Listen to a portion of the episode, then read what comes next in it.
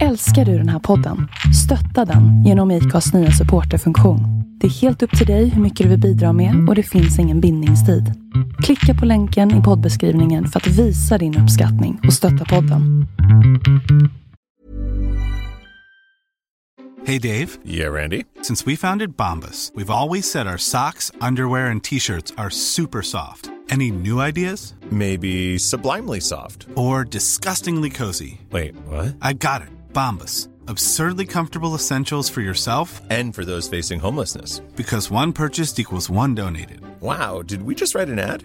Yes. Bombas. Big comfort for everyone. Go to bombas.com slash ACAST and use code ACAST for 20% off your first purchase. Hey, I'm Ryan Reynolds. Recently, I asked Mint Mobile's legal team if big wireless companies are allowed to raise prices due to inflation. They said yes. And then when I asked if raising prices technically violates those onerous two year contracts, they said, What the f are you talking about, you insane Hollywood ass?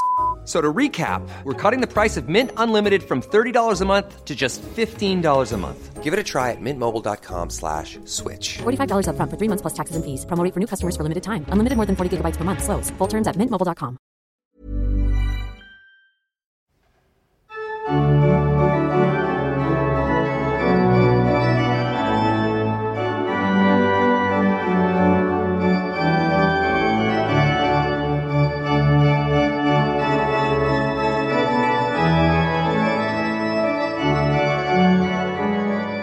Välkomna alla lyssnare till avsnitt 86 av podden Vi går till historien. Och du sitter där borta i det varma sommarvädret. Det gör jag, här på Vikbolandet. Eh, Ulf Gemsjö och eh, Fredrik, nu ska vi gå vidare med det synnerligen dramatiska eh, stormaktstidsdecenniet eh, 1650 och 16, ja, alltså efter det synnerligen dramatiska 1650-talet med drottning Kristinas abdikation, Karl X Gustavs erövring av stora delar av Polen, tågen över Bält i Danmark och Roskildefreden när Sverige blev som störst. Och sen då året 1660 med kungens död, den fyraårige sonens tronbestigning, freden i Olivia som gjorde slut på alla de krig vi var inblandade i, är vi nu redo att fortsätta med 1660-talet, något som kommer att bli oerhört spännande. Vi börjar med begravningen av Carl Gustav i november 1660. Han hade ju dött i februari, bara 37 år gammal. Eh, vi sammanfattade honom, både du och jag, i förra avsnittet. Helt klart en begåvad kung med mycket hög arbetskapacitet, en skicklig, modig krigare och diplomat. Om du skulle säga något eh, kort sammanfattande, vilken är din avslutande bild av Karl X Gustav? Nej, men lite av en doldis. Och det kanske var att han eh, ja, dels gick över isen och det är det alla kommer ihåg. Och sen dog han ju ganska ung vilket gör att mycket av hans övriga bedrifter nog glöms bort lite. Särskilt det här Warszawa och till och med Krakow som han mm, mm. in, i, inte bara belägrade utan intog. Ja, Och dessutom då var nära, väldigt nära på att radera ut Danmark från kartan för all framtid. mm. Det är ändå ja, det är historia på ganska hög nivå. Verkligen. Han var en skicklig krigare, och, och, men så var han ju också på något sätt gränslös kung i sitt sätt att leva. Han sparade verkligen inte sig själv, men tog också för sig av världens goda. Hans eh, BML, BLM, vad, jag kommer aldrig ihåg vad det heter, vad heter det? Ökande saknar motstycke. Det heter BMI. BMI. Alltså BLM, det är ju eh, Bonniers litterära magasin som jag kommer ihåg jag prenumererade på som ung student. För eh, jag såg till att det låg framme då i mitt studentrum. Det gav ju ett intellektuellt intryck. Eh, ja, eh, BMI. Hans BMI ökande saknar motstycke. Men till sist säger kroppen ifrån, en lunginflammation knäcker honom slutgiltigt och han dör där under en riksdag i Göteborg. Söndagen den 4 november 1660 äger begravningen rum. Bland gästerna märks hans kusin drottning Kristina som kommit hela vägen från Rom. Man börjar klockan tre i Slottskyrkan där kungens lik befunnit sig sedan maj. Efter en kort ceremoni ger man sig ut nerför Slottsbacken, går ut med Skeppsbron runt det vi idag kallar Gamla stan till Riddarholmen. Det är typiskt novemberväder, kallt och mörkt och ruggigt eh, redan nu vid halv fyra-tiden. Det börjar regna. Eh, facklor lyser upp marschvägen. Och bakom kistan går den snart femårige sonen, den nye kungen, Karl XI. Ett litet barn ju som är regent över Nordeuropas största rike. Vissa sträckor bärs han av eh, riksråd. Efter honom kommer den döde kungens bror Adolf Johan, Eh, kungens 13-årige utomäktenskaplige son Gustav Karlsson eh, Sen tre eh, kvinnor, enkedrottningen Hedvig Eleonora, kungens syster Maria Efrosyne och kusinen drottning Kristina. Några enstaka hurrarop hörs från folket när man upptäcker Kristina. Hon har kvar en viss popularitet.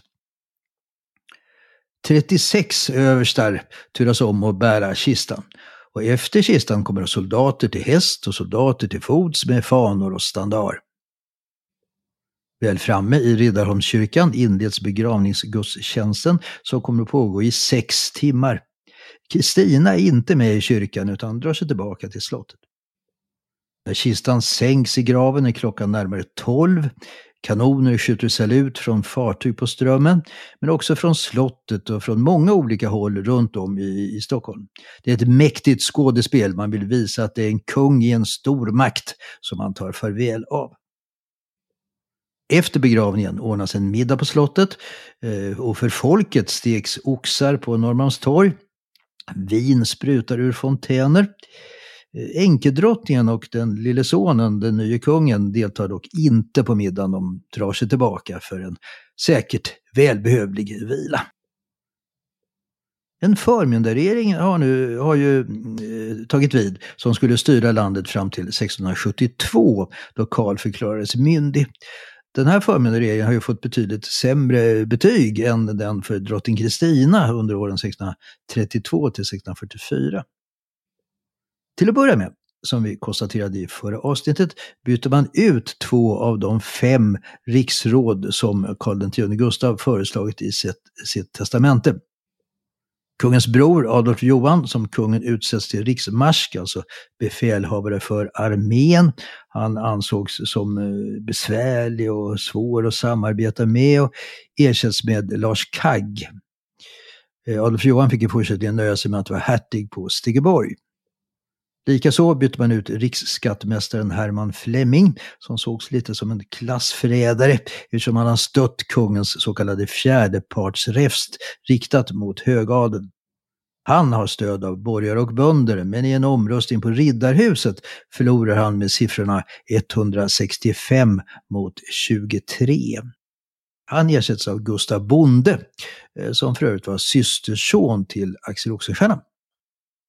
Vad som är intressant är ju varför drottning Kristina velat närvara vid begravningen. Det pratade vi om lite grann förra gången. Alltså misstänksamheten mot henne är stor. Före begravningen hade hon i ett möte med riksråden bedyrat att hennes enda syfte med sin närvaro vid begravningen var att hedra sin döde kusin och att bevaka sina ekonomiska intressen. Men bara några dagar efter begravningen skriver hon ett brev till riksråden och ständerna där hon erbjuder sig att återinträda som regerande drottning om det skulle hända den lille kungen något.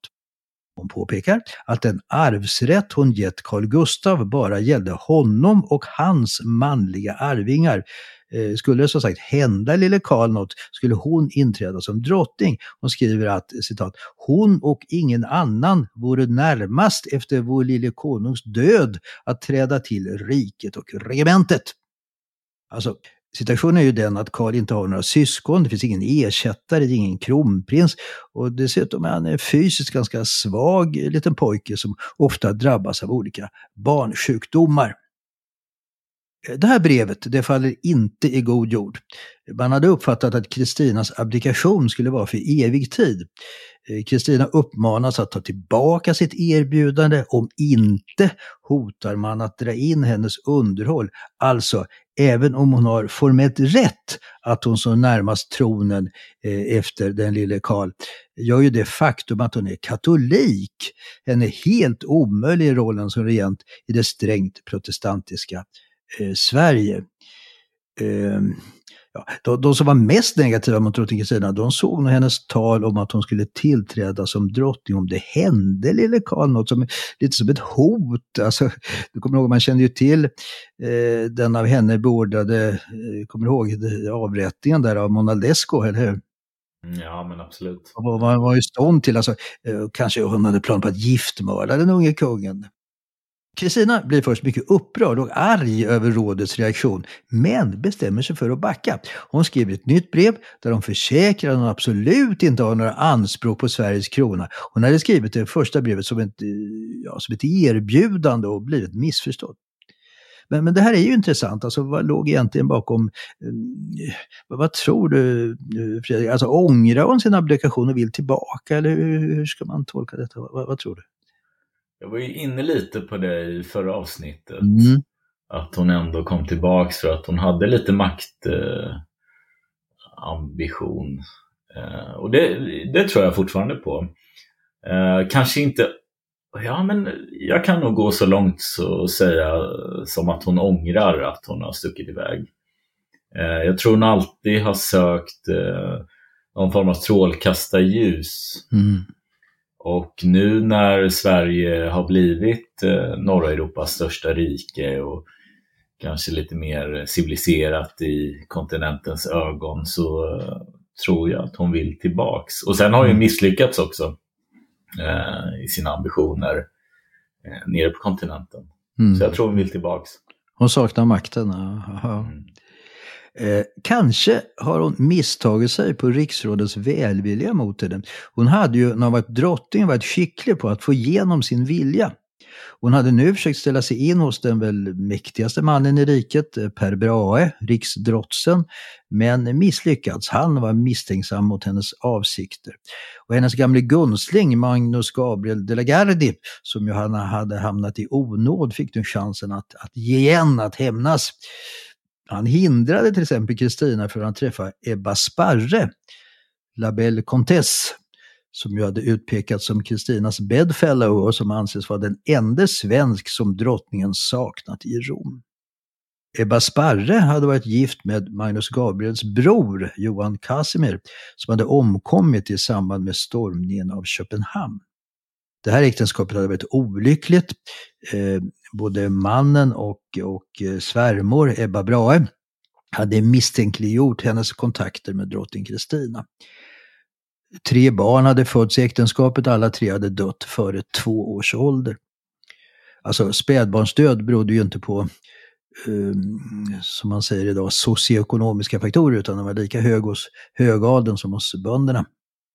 Men Istället för att bli sur så startar Kristina istället en charmoffensiv mot kungafamiljen och rådet. Hon bjuder bland annat Hedvig Eleonora och Adolf Johan på en tidig julmiddag och ger den femårige kungen en dyrbar värja med diamanter i julklapp. Men många undrar säkert med en viss oro varför Kristina dröjer sig kvar på slottet och drar säkert en lättande suck när hon lämnar Stockholm i början av det nya året.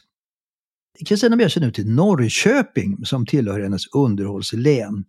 Norrköpingshus där Kristinas eh, farfars syster Elisabet håller till i slutet av 1500-talet hade brunnit ner efter riksdagen i staden 1604 och där uppförs istället på 1670-talet en kyrka kallad Tyska kyrkan eller Hedvigs kyrka efter drottning Hedvig Eleonora.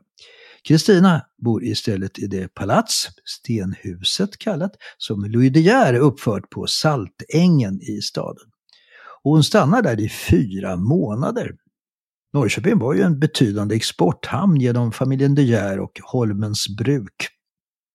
Det som sticker i ögonen på Norrköpingsborna är att Kristina fortsätter att fira katolska gudstjänster. Och hon försöker också ännu en gång att få kontakt med Ebba Sparre, men hindras återigen från att träffa henne. Kristina skriver ett brev till Ebba med följande lydelse. Vad jag skulle vara lycklig om det vore mig tillåtet att råka er, Bell, men jag är dömd att för evigt älska och dyrka er utan att någonsin få råka er.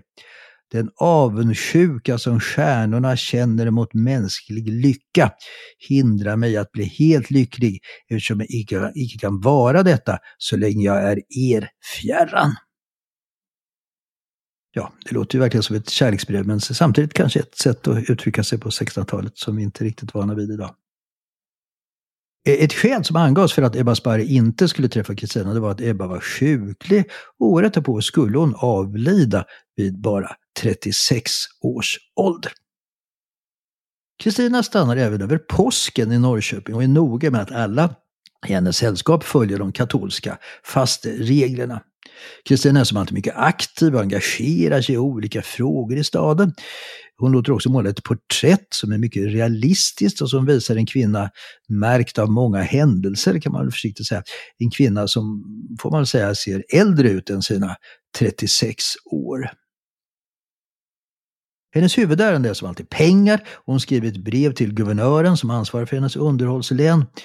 Eh, Citat, för Guds skull, skynda er att sända mina pengar så att jag så fort som möjligt kan lämna detta land där jag blivit så grymt behandlad. Jag försäkrar er att när jag fått mina pengar ska jag inte stanna en timme till utan hellre dö i fattigdom någonstans än leva i Sverige dagligen utsatt för förolämpningar. Och några veckor efter påsk, i maj 1661, lämnar så äntligen Kristina Sverige och far till Hamburg. I Hamburg försöker hon med hjälp av en bankirfirma få ordning på sin ekonomi, men hon har också politiska ambitioner och har nu en ny idé att bli guvernör över spanska Nederländerna, alltså dagens Belgien. Men efter att hon tidigare tagit ställning för Frankrike i konflikten mellan eh, Spanien och Frankrike är det ju totalt utsiktslöst att den spanske kungen skulle ge henne ett sådant uppdrag. Alltså överhuvudtaget är det helt klart att Kristina inte är nöjd med sin roll, något som du ju själv antyder. Hon vill ha tillbaka en position med makt. Hon skriver till den tysk-romerske kejsaren Leopold den förste, till Ludvig den XIV i Frankrike, till Filip den fjärde i Spanien och till sin släkting Johan Casimir Vasa i Polen. Hon vill visa att hon som ett slags eh, oberoende kunglighet kan spela en roll i europeisk storpolitik. Men den enda som svarar det är Ludvig den XIV, vilket kan ha att göra med att kardinal Mazarin, som styrt landet i mer än 20 år och som vi berättat om Kristina haft mycket kontakt med, har avlidit. Kungen har nu tagit över här och gjort sig enväldig, krossat högadens makt. Istället för att intrigera om makten förvandlades högadeln till en hovadel på Versailles, du vet, som kivades om vilket klädesplagg man skulle räcka till kungen när han klädde på sig på morgonen. Kung Sol, Frankrikes mest kände kung, L'état c'est moi. Staten det är jag. Men Ludvigs brevsvar till Kristina är artigt men intet förpliktande. Kristina kommer att stanna i Hamburg nästan ett år. Först i maj 1662 bryter hon upp därifrån och i juni är hon tillbaka i sitt Palazzo Riario. I Rom väntar då kardinal Asolino och Kristina återupptar sin nära kontakt med honom. Han är ju hennes mest förtrogne i livet. Och efter Ebba Sparres död har hon inte längre någon nära kontakt kvar i Sverige. This Mother's Day, celebrate the extraordinary women in your life with a heartfelt gift from Blue Nile. Whether it's for your mom, a mother figure, or yourself as a mom, find that perfect piece to express your love and appreciation. Explore Blue Nile's exquisite pearls and mesmerizing gemstones that she's sure to love. Enjoy fast shipping options like guaranteed free shipping and returns. Make this Mother's Day unforgettable with a piece from Blue Nile. Right now, get up to 50% off at BlueNile.com. That's BlueNile.com. Ryan Reynolds here from Mint Mobile. With the price of just about everything going up during inflation, we thought we'd bring our prices down. So to help us, we brought in a reverse auctioneer, which is apparently a thing. Mint Mobile unlimited premium wireless. Ready to get 30, 30, bit to get 30, bit to get 20, 20, 20, bit to get 20, 20, bit to get 15, 15, 15, 15 just 15 bucks a month. So, Give it a try at mintmobile.com/switch. slash $45 upfront for three months plus taxes and fees. Promo rate for new customers for limited time. Unlimited more than 40 gigabytes per month. Slows. Full terms at mintmobile.com. I'm Sandra, and I'm just the professional your small business was looking for. But you didn't hire me because you didn't use LinkedIn jobs. LinkedIn has professionals you can't find anywhere else, including those who aren't actively looking for a new job but might be open to the perfect role, like me. In a given month, over 70% of LinkedIn users don't visit other leading job sites. So if you're not looking on LinkedIn, you'll miss out on great candidates like Sandra. Start hiring professionals like a professional. Post your free job on linkedin.com/people today. Ja, vi lämnar denna intressanta kvinna för denna gång, men naturligtvis ska vi återkomma till henne och se hur det går för henne i Rom, eller hur? Absolut. ja. Eh, hon fascinerar. Eh, hemma i Sverige då, där styr alltså förmynderiet. Efter Karl X Gustavs död avslutas krigen. Det blir fred i Köpenhamn med Danmark där vi lämnar tillbaka Bornholm och Trondheims län som vi ju i praktiken tappat kontrollen över. Och det blir fred i Oliva som sagt med Polen, Brandenburg och Tysk-romerska riket där status quo bestäms inga landavträdelser. Återstår Ryssland, där det rått vapenstillestånd ett par år och där det nu blir formell fred i Kardis i södra Estland i juni 1661.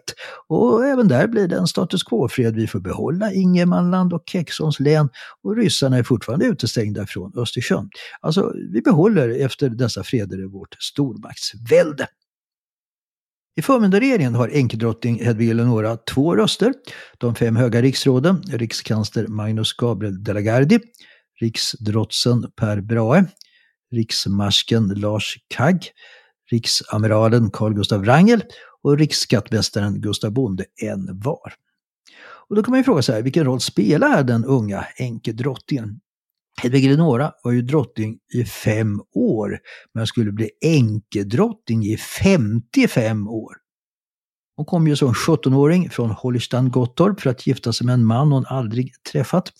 Eh, tanken var ju, som vi, du kommer ihåg vi berättade om, att hon skulle gifta sig med en hertig från Mecklenburg. Men när Carl Gustav fick kolla in porträtt av familjens systrar tyckte han att Hedvig Eleonora var den sötaste. Och de flexibla föräldrarna ville ju inte missa chansen att få en kung som svärson, det, det måste ju slå en hertig. Så hertigen fick nöja sig med en syster till Hedvig Eleonora och Hedvig Eleonora skickades till Stockholm. Du kommer ihåg den historien? Mm. Eh, Att överhuvudtaget Holstein-familjen blev aktuell, det var ju delvis drottning Kristinas idé och hade politiska orsaker. Hertigdömet ligger söder om Jylland, alltså söder om Danmark, så Sverige fick här en bundsförvant med vars hjälp han kunde eh, så att säga, omringa ärkefienden, något eh, Carl Gustav ju hade viss nytta av i, sen i, i, i kriget. Hedvig Eleonora kom från en mycket kulturell och bildad familj. Hon har uh, inte mindre än 15 syskon, varav 10 skulle växa upp till vuxen ålder. Hennes pappa talade många språk, både latin och grekiska och till och med lite hebreiska. Han var också kunnig i matematik och astronomi och han var också mån om att inte bara sönerna utan också döttrarna skulle få en, en bildning.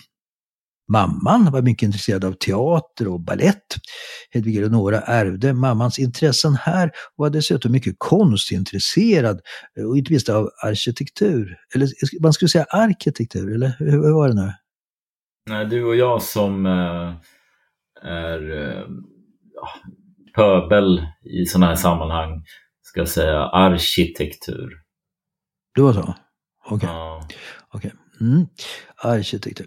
Eh, hon stödde den svenska målarkonstens fader, David Klöcker, senare adlad Ehrenstrahl. Det, det fina namnet, det, det dog ut med honom faktiskt. Han var visserligen gift två gånger men fick eh, bara ett barn, en dotter. Eh, han är ju den främste svenske barockmålaren representerad eh, och inte minst på Drottningholm. Mest berömd där är den magnifika takmålningen över den pampiga trapphallen. Och det finns en Ehrenstrahl-salong eh, på Drottningholm med målningar i taket och på väggarna. Och han är också rikt representerad på eh, Gripsholm och Skokloster och så. Redan 1661 köpte enkedrottningen Drottningholms slott av Magnus Gabriel de la Gardie. Eh, detta slott förknippas ju med tre drottningar. Först Katarina Jagellonica som lät uppföra det första slottet. Det är alltså henne slottets namn syftar på. Men slottet brann ner och Hedvig Eleonora lät ar arkitekten, arkitekten Nicodemus Tessin den äldre uppföra det praktfulla slott som nu är vår nuvarande kungafamiljs bostad. Och den tredje drottningen som satt sin prägel på slottet är Lovisa Ulrika, Gustav IIIs moder, som inrättade slottets berömda bibliotek och fick Kina slott i Slottsparken av sin man Adolf Fredrik i födelsedagspresent. Drottningholms slott och parken är ju typiska exempel på 1600-talets arkitektur.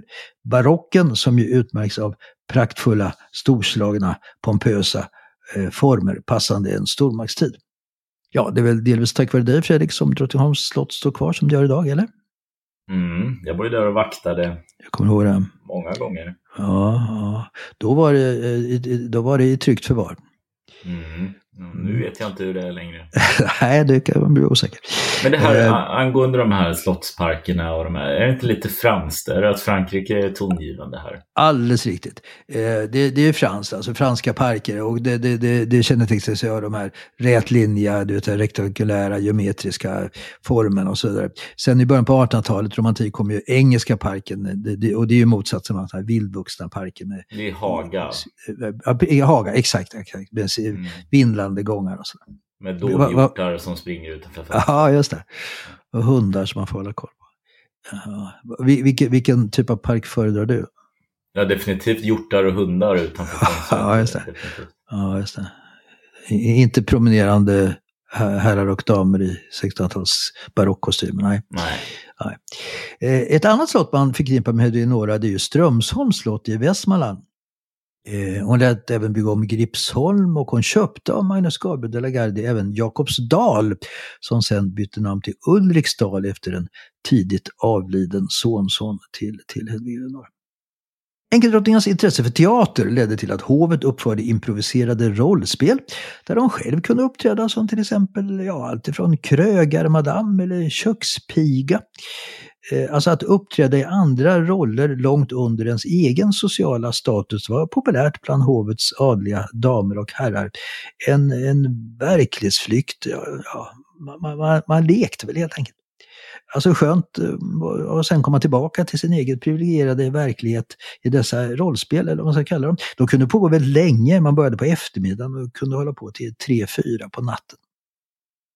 Och många utländska teatersällskap kommer till Stockholm, även lindansare och akrobater. Dockteater är väldigt populärt.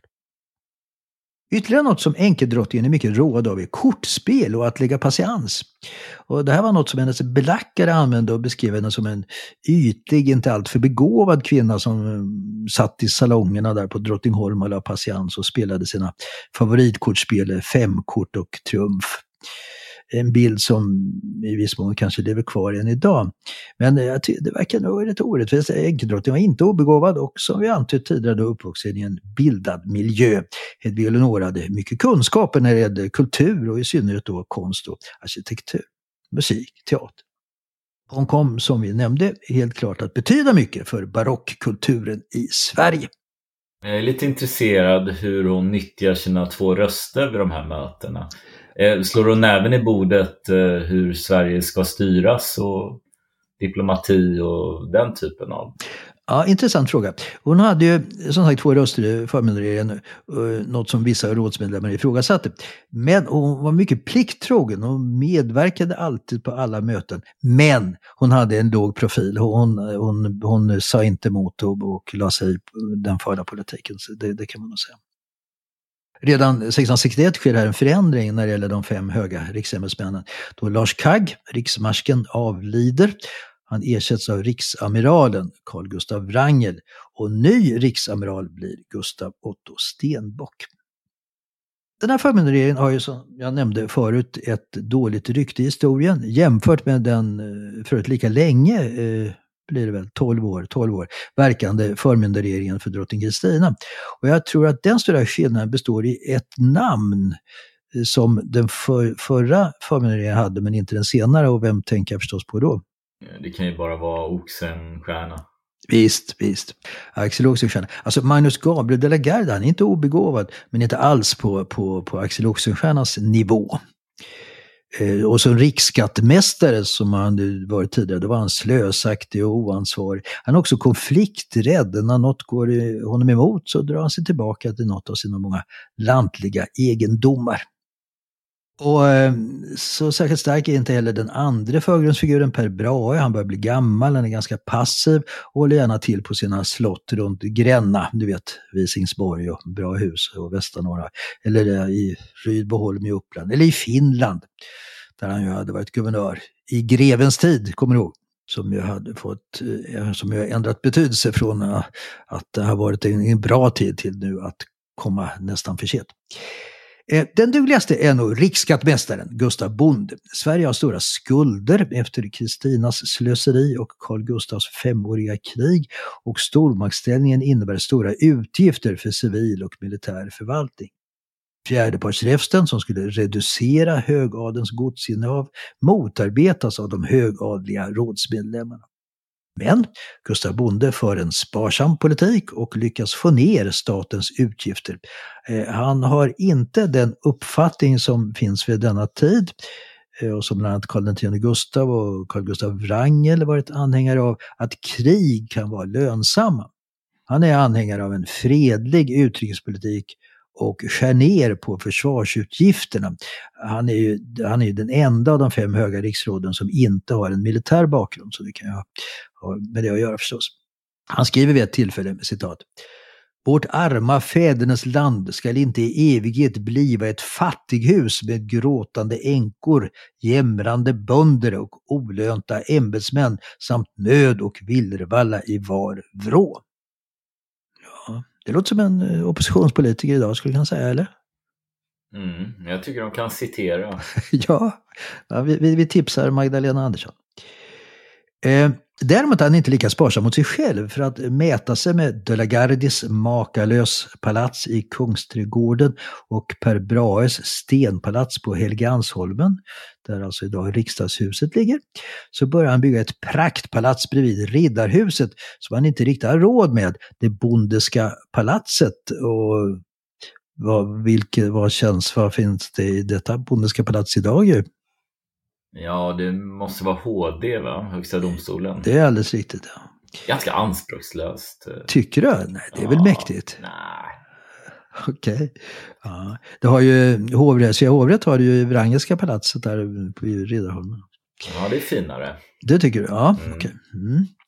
Eh, ja, förresten, eh, det här är ju lite dina kvarter. När, när vi är i dessa kvarter i centrala Stockholm så planeras Norrmalms gatunät. Och Regeringsgatan, du vet, som går rakt norrut genom Norrmalm, det är faktiskt uppkallad efter vår aktuella förmyndarregering. Det visste du inte? Det visste jag inte. Och inte många andra heller, skulle jag tro. Det råkar jag varje dag. Ja, jag menar det. Det kan du upplysa dina kollegor om. Men Tyvärr blir Bonde sjuk i mitten av 1660-talet och dör 1667. Han efterträds av den osjälvständige Seved Båt som går i De la Gardis fotspår. Eleonora ser som sin huvuduppgift att värna sin sons intressen och mor och son kommer att ha en mycket nära relation. Hon värnar också om sitt fädernesland, Holstein Gottorp och har nära kontakter med sin familj, alla sina syskon och syskonbarn. Och nu faktiskt bara 23 år när hon blir änka. Men hon kommer inte att gifta om sig och kommer inte att inleda en relation med någon annan man. Den attraktiva änkan saknar, saknar inte intresserade män. Den mest bekanta är den engelske kungen Karl II. Men hon avvisar som sagt helt tanken på ett nytt förhållande. Hon ser som sin livsuppgift att stötta sonen. Hedvig Eleonora ses av sin samtid som en typisk eh, curlingmamma, även om uttrycket inte var uppfunnet då. Eh, pojken är ju ganska svag och som jag nämnde ofta sjuk, han har mässlingen och koppen och massa barnsjukdomar. Eh, hans pappa utser strax före sin död en Uppsala-professor Edmund Figrelius senare adlad Gripenhjelm, som huvudansvarig för sonens utbildning. Figrelius har kvalificerat sig på två sätt. Dels hade han skrivit en hyllningsdikt på latin om Carl Gustavs tåg över Bält, Dels hade han gift sig med ärkebiskopens dotter som ansågs ha ett så anskrämligt utseende att hon helt saknade friare och därför blev svärsonen presenterad vid hovet av den tacksamme svärfadern ärkebiskopen han eh, ett sätt att, att kvalificera sig på, eller hur? Figrelius delar ansvaret om Karls utbildning med riksrådet Christer Horn. Det visar sig att Karl kommer att ha svårt för att tillgodogöra sig boklig bildning för teoretiska studier. Kraven är hårda. Han ska lära sig att både tala, läsa och skriva latin och franska, viss finska, eftersom Finland är ju vårt öster, vår östra rikshalva, och även grunder i engelska, italienska och spanska. Eh, tyska däremot, det, kan, det talar talade han redan med sin mamma. Men han skulle också studera historia, statskunskap, biografi, astronomi, arkitektur. Alltså läser man det han skriver visar det sig att han kastar om bokstäver. Han är mycket typisk dyslektiker, något man ju inte förstod då. Man såg det som ett tecken på bristande begåvning. Eh, precis som många dyslektiker har han däremot ett gott minne och kan återberätta det han fått höra muntligt och han kan lära sig psalmverser utan till. Samtidigt är jag så oförstående för hans svårigheter. Och det, det, har man väl varit långt in i vår tid, eller hur? Ja, men det tror jag. Eh, alltså, båda föräldrarna var ju välutbildade och hade lätt för bokliga studier. Hans båda lärare kritiseras. En italiensk diplomat, Magalotti, verksam i Stockholm, han beskriver Horn som en godmodig man som citat tycker om att äta och dricka och äger alla de goda egenskaper som okunnigheten kan medföra. Och om Figelius Gripenhjelm säger han, citat, han är tämligen enfaldig och känner mycket lite till denna världens angelägenheter. Men han är en man med goda seder, tar sig inga rus och en gudfruktig man, eller låtsas vara det. Nu var den italienske diplomat känd för sina vassa kommentarer om enkedrottning Hedvig sa han att citat hon är gudfruktig och gör ingen något förnär, men är ombytlig och obeständig och tycker om att äta gott. Ja, det är roliga de här citaten, eller hur? Så vi, vi tar ett till. Om rikskansler De la Gardie, eh, honom beskriver Magalotti så här. Han är säkerligen den vackraste man i världen med ett livligt snille och en naturlig vältalighet. Men han är den sämste hushållare och den största slösare i världen. Är man inte rädd på den här tiden att få en dödsdom när man håller på? ja, eh, intressant invändning. Men eh, som han hade väl diplomatisk immunitet, det var väl ingen som vågade ingripa mot vad han skrev är det väl tveksamt om det här kanske, det kanske var mer hans egna anteckningar, så, så de kanske inte var, blev offentliga så att säga. Ja, vad som är bekymmersamt är ju att det så att säga inte finns någon vikarie. Va? Kungen har ju inga syskon, det finns ingen, ingen kronprins. Eh, Karls studiesvårigheter gör att han inte vill sitta inne med böcker, han vill vara ute och leka. Han gillar friluftsliv och när han blir lite äldre blir han en utmärkt ryttare. Eh, han gillar också militära parader och exercis. Han kommer att älska jakt. Han gillar djur och har vilda djur i burar och inhägnade utanför slottet. Alltifrån eh, kaniner, rävar, fåglar till älgar, björnar och lodjur. Som person är han blyg och tillbakadragen. Han kommer hela sitt liv att hata offentliga tillställningar, eh, sociala sammankomster, stora middagar och så vidare. Han tyr sig i mycket hög grad till moden. Annat kvinnligt sällskap är han närmast rädd för. Eh, han är inte den som intresserar sig för tjejer i tonåren. Verkligen ännu en kontrast till fadern. Eh, modern reser gärna runt till sina olika slott. Sonen är alltid med. Trots de svaga skolresultaten bestäms det att han i tioårsåldern ska börja studera vid Uppsala universitet. Det var inte helt ovanligt att så unga pojkar, kungliga och adliga, eh, skickades till, till, dit tillsammans med en informator. Alltså, förmodligen var Karls barndom och uppväxt inte särskilt lycklig. Med stigande ålder växer säkert en känsla av otillräcklighet inför de krav och förväntningar som ställs på honom. Eh, förmyndarregeringen ställer krav på hans lärare att han ska prestera bättre och han utsätts för ständiga förhör och kunskapskontroller som, han, som han säkert var jättejobbiga. Alltså, vid nio års ålder har han påtagliga svårigheter att läsa. Men som sagt, muntligt kan, man, kan han återge många kunskaper. Ja, hur, hur, hur det får, hur, vad får du för bild av den lille pojken? Det är lite synd om honom, eller vad, vad tycker du? Ja, synd vet jag inte i den privilegierade världen. Men det ska bli intressant att följa honom för jag kan antyda en viss, som du sa, curlande mamma och mm. att hon har fått prägla hans uppväxt eh, väldigt mycket med tankar och idéer. Om det kan komma fram en mjukare kung än de här eh, tidigare stridslystna krigarna. Mm, mm. Det ska bli intressant att se ja. vad som blir av honom. Mm, verkligen. Eh, vår italienske diplomat Magalotti, han uttalar sig förstås också om den unge kungen. Han berättar om sitt första möte med honom. Eh, De la Garde råder diplomaten att inte säga något till den unge kungen. Och anledningen är enligt rikskanslern att pojken ska sparas obehaget att inte veta vad han ska svara. Och Magalotti följer rådet och får då en tacksam blick av den unge kungen. Karl är säkert den blygaste av alla svenska regenter, men samtidigt den mest avbildade. Det lär finnas cirka 500 porträtt av honom. Vad är anledningen till det? Det kan man ju fråga sig. Ja, en anledning är väl att han tillträdde sitt ämbete i så tidig ålder, men också att hans mamma ständigt eh, beställde eh, nya porträtt av gossen. Eh, varje år skulle så att säga dokumenteras. Det påminner lite grann om vår tids eh, fotograferande, eller hur? Fotoalbum. Mm. Som, som typiskt sett kanske är mammor som mm, vill ha mycket bilder. Ja, ja visst. Sverige skulle för övrigt få ytterligare ett universitet. Uppsala var ju det första, grundat 1466. Sen tillkom Dorpat i Estland, kommer ni ihåg, 1632. Och när vi fick svenska Pommern efter Westfaliska freden fick vi ännu ett universitet, nämligen Greifswald, som grundats redan 1456. Redan direkt efter Roskildefreden diskuterades tanken att eh, grunda ett universitet i Skåne. Studenterna i de nyerövrade landskapen skulle inte längre åka till Köpenhamns universitet utan förstås stanna i Sverige. Och här kom faktiskt enkeldrottningen att påverka utvecklingen. Hon har en hovpredikant från sitt hemland, från Holstein, vid namn Bernhard Ölrich, Ölrich, som tidigare varit präst i Skåne och som är en aktiv riksdagsman i prästståndet.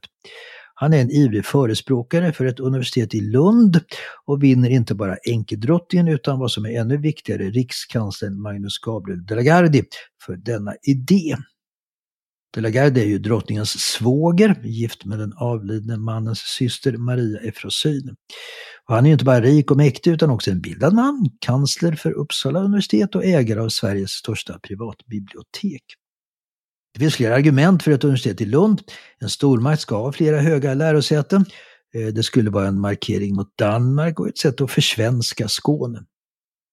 Lunds domkapitel hade haft många gods och gårdar som nu hamnat i statlig ägo och som kunde finansiera universitetet. Så 1666 är beslutet klart och i januari 1668 på Karlsdagen invigs det nya universitetet av den nu 12-årige kungen och hans moder. Och det är ju ditt universitet, Fredrik. Mm. Sen är jag väl inte sådär rabiat eh, förespråkare av just Lunds universitet, men det är ett trevligt universitet som är ju det bästa i Sverige. Eh, ja, efter Uppsala då förstås. Ja.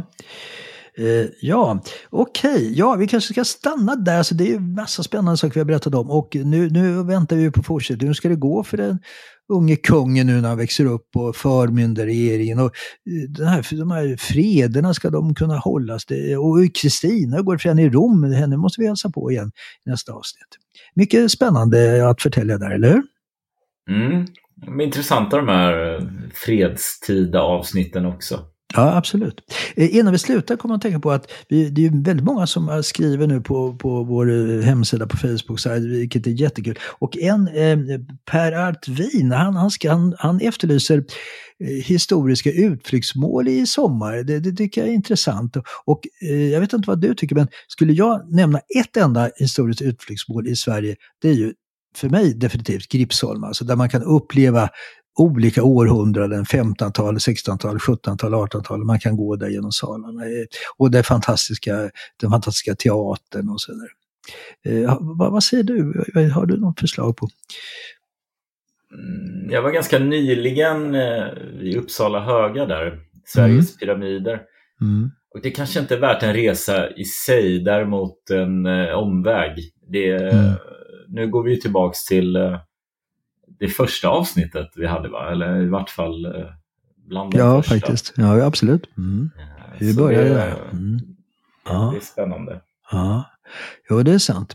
Eh, och det här går genom olika århundraden, genom olika salar. Det kan man faktiskt också göra på eh, dagens eh, kanske mest aktuella, eller i alla fall mest omnämnda slott, nämligen Tidö. Där kan man också gå genom 1600-tal, 1700-tal, 1800-tal, 1900-tal om man säger, i, genom olika rum. Så här. Eh, och så finns det ju Vasaborgarna, va? Vadstena, Kalmar, Uppsala, Örebro, Västerås och så vidare. Och kring Göteborg har du ju spännande fästningar där i, i Nya Älvsborg och, och eh, Bohus fästning och, och eh, Karlstens fästning på, i Marstrand. Och i Stockholm naturligtvis, i Gamla stan, det är fantastiskt. Och, eh, men i Gamla stan där ska man ju in, absolut inte gå på Västerlånggatan utan man går bara en parallellgata, Prästgatan till exempel. Då kommer man ju in i medeltiden eh, direkt, eller hur? Där är det en massa turister man ska trängas med. Trängas med.